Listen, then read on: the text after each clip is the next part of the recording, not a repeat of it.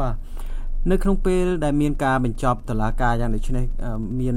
បញ្ហាមួយចំនួនដែលគេសម្លឹងមើលទៅភ្លាមភ្លាមឃើញថាដូចជារឿងឯកសារសាក់សីភ័ស្តុតាងអីផ្សេងផ្សេងតើមានការរក្សាយ៉ាងណាឬក៏នឹងចាត់ចែងយ៉ាងណាអំពីរឿងនោះតើអាចនឹងបញ្ជាក់បាននៅពេលនេះទេឬក៏យ៉ាងណាបាទ បាទពាក់ព័ន្ធជាមួយនឹងតឡាការបើយើងនិយាយពីឯកសារគឺនិយាយអំពីគេដំណើរធំរបស់សាលាក្តីគឺទន្ទឹមនឹងចូលការចូលរួមយករោគយុតិធធការចូលរួមស្វែងរកការពិតការផ្សះផ្សាជាតិការផ្សះផ្សាផ្លូវចិត្តជនរងគ្រោះការចងចាំគឺឯកសារគឺជាគេដំណើរដ៏សំខាន់ហើយពេលបច្ចុប្បន្ននេះគឺដើម្បី ឈានទៅដល់ការគ្រប់គ្រងទៅលើឯកសារដែលមាននៅចំពោះមុខសាលាក្តីខ្មែរក្រហមមជ្ឈមណ្ឌលតម្កល់ឯកសារច្បាប់តាក់ទងជាមួយនឹងសាលាក្តីខ្មែរក្រហមមួយត្រូវបានបង្កើតឡើងដែលស្ថិតនៅក្រោមការគ្រប់គ្រងរបស់ទីស្តីការគណៈរដ្ឋមន្ត្រីដែលមជ្ឈមណ្ឌលតម្កល់ឯកសារច្បាប់ពាក់ព័ន្ធនឹងសាលាក្តីខ្មែរក្រហមនេះនឹងទៅជាកន្លែងមួយសម្រាប់រក្សាទុកនៅឯកសារពាក់ព័ន្ធនានាសំណុំរឿង ផ្សេងផ្សេងដែលមាននៅចំពោះមុខសាលាក្តីខ្មែរក្រហមហ្នឹងដើម្បីអនុញ្ញាតឲ្យសាធារណជនអ្នកសិក្សាស្រាវជ្រាវផ្សេងផ្សេងចូលសិក្សាចូលស្រាវជ្រាវហើយរហូតមកដល់ពេលនេះគឺមជ្ឈមណ្ឌលនេះបានដំណើរការរយៈពេលជាង2ឆ្នាំហើយដែលបច្ចុប្បន្នមានទីតាំងនៅជាប់ជាមួយនឹងទីស្នាក់ការនៃគណៈមេធាវីនៃព្រះរាជាណាចក្រកម្ពុជាហើយមានការផ្ទេរនៅសំណុំរឿង 001ឯកសារដែលពាក់ព័ន្ធជាមួយនឹងសំណុំរឿងនេះគឺមកមជ្ឈមណ្ឌលនគរឯកសារច្បាប់ពាក់ព័ន្ធជាមួយនឹងសាលាដឹកខ្មែរក្រហមនេះហើយបើកឲ្យសាធារណជនធ្វើការសិក្សាស្រាវជ្រាវហើយតទៅថ្ងៃអនាគតនៅពេលដែលតឡាការនេះបិទបញ្ចប់មជ្ឈមណ្ឌលនគរឯកសារច្បាប់នេះនឹងคล้ายទៅជាមជ្ឈមណ្ឌលមួយដែលនឹងបើកទូលំទូលាយទៅដល់អ្នកសិក្សាស្រាវជ្រាវទាំងផ្នែកប្រវត្តិសាស្ត្រទាំងផ្នែកច្បាប់អន្តរជាតិផ្សេងផ្សេង ហើយនឹងផ្នែកតាក់ទងជាមួយនឹងឧក្រិដ្ឋកម្មដែលបានកើតឡើងនៅក្នុងរបបខ្មែរក្រហមហ្នឹងអញ្ចឹងគឺយើងបានត្រៀមរៀបចំរួចហើយទៅលើការថែរក្សានៅឯកសារនិងការអនុញ្ញាតនឹងបើកជូនដល់សាធារណជនធ្វើការសិក្សាស្រាវជ្រាវបាទបាទចំពោះសវត្ថភាពឬក៏សន្តិសុខដល់សាក់សីទៅវិញតើអាចនឹងមានការត្រៀមរៀបចំយ៉ាងណាដែរឬក៏ រឿងនេះវានៅវែងឆ្ងាយតទៅទៀតឬក៏យ៉ាងណាទៅបាទបាទពាក់ព័ន្ធជាមួយនឹងសវត្ថភាពរបស់សាកសីរបស់អ្នកជំនាញនឹងដើមបណ្ដឹងរដ្ឋប្រវេណនេះគឺយើងមានវិធានការនៅក្នុងការការពារចាប់តាំងតែពីដើមរហូតមកតមកដល់ពេលនេះហើយនៅក្នុងដំណើរការជំនុំជម្រះនៅពេលដែលមានការស្នើសុំពីភាគីពាក់ព័ន្ធជាពិសេសដូចពីសាក់សីឬមួយក៏ដើមនឹងរដ្ឋប្រវេណនេះដែលគាត់មិនចង់បញ្ចេញឈ្មោះ ឬក៏បញ្ចេញអត្តសញ្ញាណរបស់គាត់គឺតឡាការរក្សាសិទ្ធិឲ្យគាត់ហើយឯកសារមួយចំនួនដែលពាក់ព័ន្ធជាមួយនឹង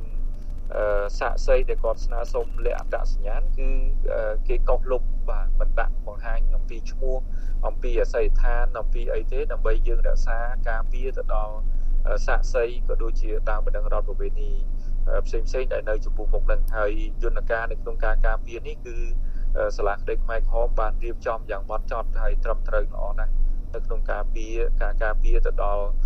សវត្ថភាពក៏ដូចជាអត្តសញ្ញាណរបស់អ្នកដែលចូលរួមនៅក្នុងដំណើរការនីតិវិធីទាំងបាទបាទបាទជា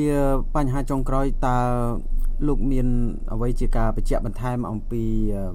គេដំណើររបស់តឡាការនេះហើយអ្វីដែលបានធ្វើកន្លងមកហ្នឹងតើដូចថាដំណើរការទៅយ៉ាងម៉េចហើយនឹងគេដំណើរហ្នឹងនឹងរក្សា យ៉ាងណាហើយនឹងវាទៅជាយ៉ាងណាទៅមុខទៀតបាទ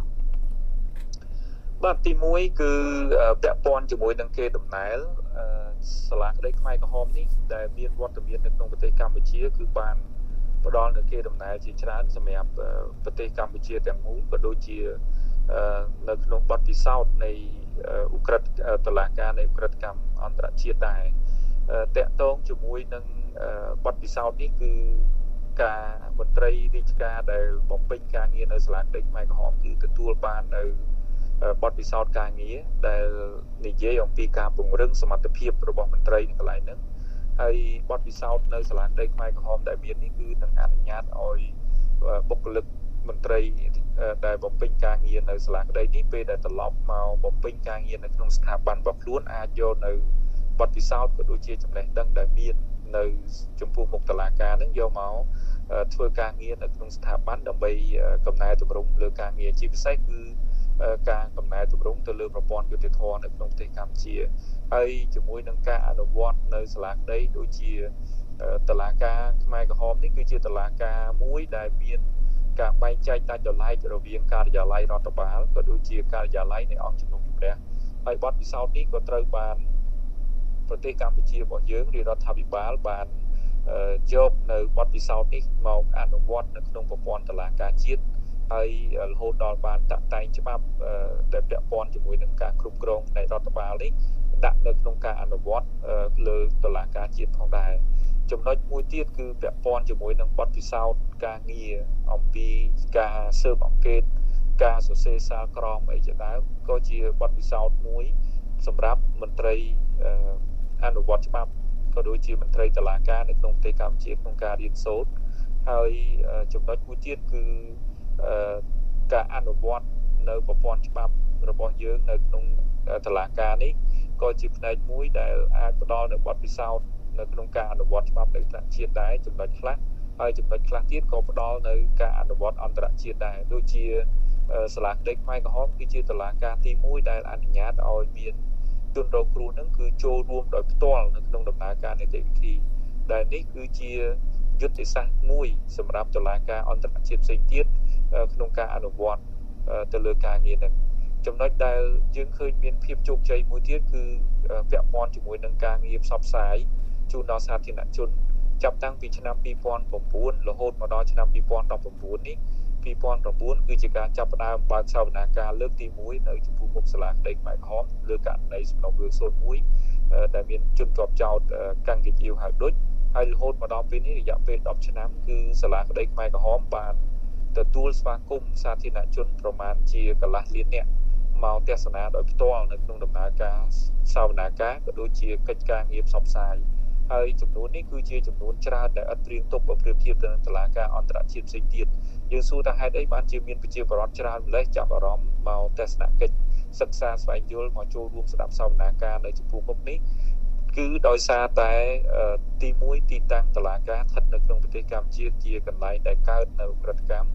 ទី2គឺពួកគាត់ចង់ដឹងនៅរឿងរ៉ាវដែលពាក់ព័ន្ធជាមួយនឹងអង្គើឧក្រិដ្ឋកម្មនៅក្នុងរបបខ្មែរក្រហមហើយក្នុងចំណោមកន្លះលានអ្នកសាធារណជនកន្លះលានអ្នកដែលមកសាលាដីខ្មែរក្រហមនេះគឺពាក់កណ្ដាល នៃសាធារណជននេះគឺជាជនរងគ្រោះនៅក្នុងរបបខ្មែរក្រហមហើយនឹងពាក់កណ្ដាលទៀតគឺជាយុវជនដែលកើតក្រោយរបបខ្មែរក្រហមដែលពួកគាត់ចង់ឃើញក៏ដូចជាចង់ដឹងនៅដំណើរការជំនុំជម្រះហើយជាពិសេសគឺចង់ស្គាល់មុខជនជាប់ចោតនៅចំពោះមុខសាលាដីខ្មែរក្រហមគឺមានលោកនួនជាលោកខៀវសំផនលោកស្រីអៀងចរិតលោកអៀងសេរីហើយនឹងកាន់កិយាវហៅដូចជាដើមដែលបង្ហាញខ្លួននៅចំពោះមុខអង្គជំនុំជម្រះ អញ្ចឹងគឺការផ្សព្វផ្សាយនេះក៏ជាផ្នែកមួយនៃការជោគជ័យហើយត្រូវបានវាយតម្លៃខ្ពស់ពីអិសរាជជនជាតិនិងអន្តរជាតិហើយពីតឡាការផ្សេងទៀតនៅក្នុងការផ្សព្វផ្សាយនៃទៅទៅកាន់សាធារណជនហើយការផ្សព្វផ្សាយនេះគឺមានសារៈប្រយោជន៍ដើម្បីឲ្យប្រជាពលរដ្ឋបានដឹងថាមានតឡាការមួយកើតឡើងនៅក្នុងប្រទេសកម្ពុជាជំនុំជម្រះក្តីទៅលើក្រិតកម្មដែលបានកើតឡើងនៅក្នុងរបបខ្មែរក្រហមដើម្បីផ្ដល់យុត្តិធម៌ជូនដល់ពួកគាត់ស្វែងរកការពិតជូនដល់បងប្អូនប្រជាពលរដ្ឋ ហើយសំខាន់ជាងនេះការបង្កើតការផ្សព្វផ្សាយនេះដើម្បីឲ្យយុវជនជំនាន់ក្រោយដែលកើតមិនទាន់របបខ្មែរក្រហមនឹងបានសិក្សាអំពីប្រវត្តិសាស្ត្រនៃប្រទេសជាតិរបស់ខ្លួនក៏ដូចជាចងចាំដើម្បីទប់ស្កាត់បង្ការនឹងការពារកុំឲ្យរបបសាហាវឃុខើដោយរបបខ្មែរក្រហមនេះវិលមកវិញនៅក្នុងប្រទេសកម្ពុជាអញ្ចឹងការសិក្សាអំពីប្រវត្តិសាស្ត្រសម្រាប់បងប្អូនក៏ជាចំណុចសំខាន់ដែរ អ្វីដែលសំខាន់មួយទៀតការផ្សព្វផ្សាយនេះក៏ជួយឲ្យបងប្អូនដែលជាសិស្សសានុសិស្សនិស្សិតដែលរៀននៅសាលាវិទ្យាល័យសាកលវិទ្យាល័យហ្នឹងដែលបច្ចុប្បន្នកំពុងតែសិក្សាអំពីប្រវត្តិសាស្ត្រនៃរបបកម្ពុជាជាតបតៃគាត់អាចមាននៅមូលដ្ឋានគ្រឹះបន្ថែមទៀតជាក់ស្ដែងទៅលើដំណើរការអនុវត្តច្បាប់ប្រឆាំងទៅនឹងអ្នកទទួលខុសត្រូវនៅចំពោះមុខ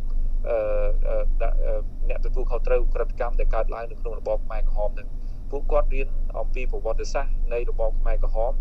ការកកើតអ្នកដែលដឹកនាំឧក្រិដ្ឋកម្មការជឿចាប់ផ្លោយផ្សាររបស់ប្រជាពលរដ្ឋខ្មែរក៏ប៉ុន្តែគាត់មិនបានសិក្សាអំពីនីតិវិធីច្បាប់ការអនុវត្តច្បាប់ប្រឆាំងទៅនឹងជនជាប់ចោតជាមេដឹកនាំជាន់ខ្ពស់ទាំងអស់នោះទេអញ្ចឹងការទស្សនកិច្ចនៅសាលាក្តីខ្មែរក្រហមជាផ្នែកមួយនៃការបំពេញបន្ថែមលើការយល់ដឹងរបស់ពួកគាត់ហើយតាមការស្ទុះមតិមួយរបស់មជ្ឈមណ្ឌល Handa ដែលធ្វើជាមួយនឹងនិស្សិតគាត់និស្សិតដែលពួកគាត់មកនឹងគាត់បាននិយាយថាដំណើរទស្សនកិច្ចនៅសាលាក្តីខ្មែរក្រហមស្ដាប់ការធ្វើបទបង្ហាញរបស់មន្ត្រីដែលពាក់ព័ន្ធនានានៅក្នុងតុលាការនេះមួយម៉ោងឬក៏មួយថ្ងៃនៃដំណើរទស្សនកិច្ចគាត់ពីព្រោះមកទស្សនទស្សនកិច្ចនៅសាលាក្តីខ្មែរក្រហមមួយផ្នែកក៏ប៉ុន្តែយើងរៀបចំឲ្យពួកគាត់ទៅទស្សនកិច្ចនៅបឹងជើងឯកនិងគុកទូស្លែងគាត់ថាទស្សនកិច្ចមួយថ្ងៃនេះ នៅសាលាក្តីនៅបឹងជើងឯកគុកទូស្លែងគឺប្រៀបបានទៅនឹងការអានសិភៅប្រវត្តិសាស្ត្រនៃរបបខ្មែរក្រហមមួយក្បាលយ៉ាងដូចនោះដែរអញ្ចឹងវាផ្ដល់ផលប្រយោជន៍ច្រើនជូនដល់ពួកគាត់តែទាំងអស់នេះគឺជាគេដំណើររបស់តឡាការដែលយើងមិននិយាយអំពីគេដំណើរនៃឯកសារផុសតាងដែលមានអាយុ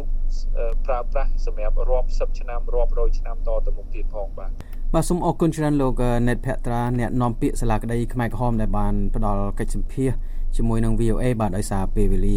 ដល់ទីបញ្ចប់តែប៉ុណ្ណេះសូមជម្រាបលាលោកតែប៉ុណ្ណេះសិនបាទបាទខ្ញុំបាទសូមអរគុណបាទ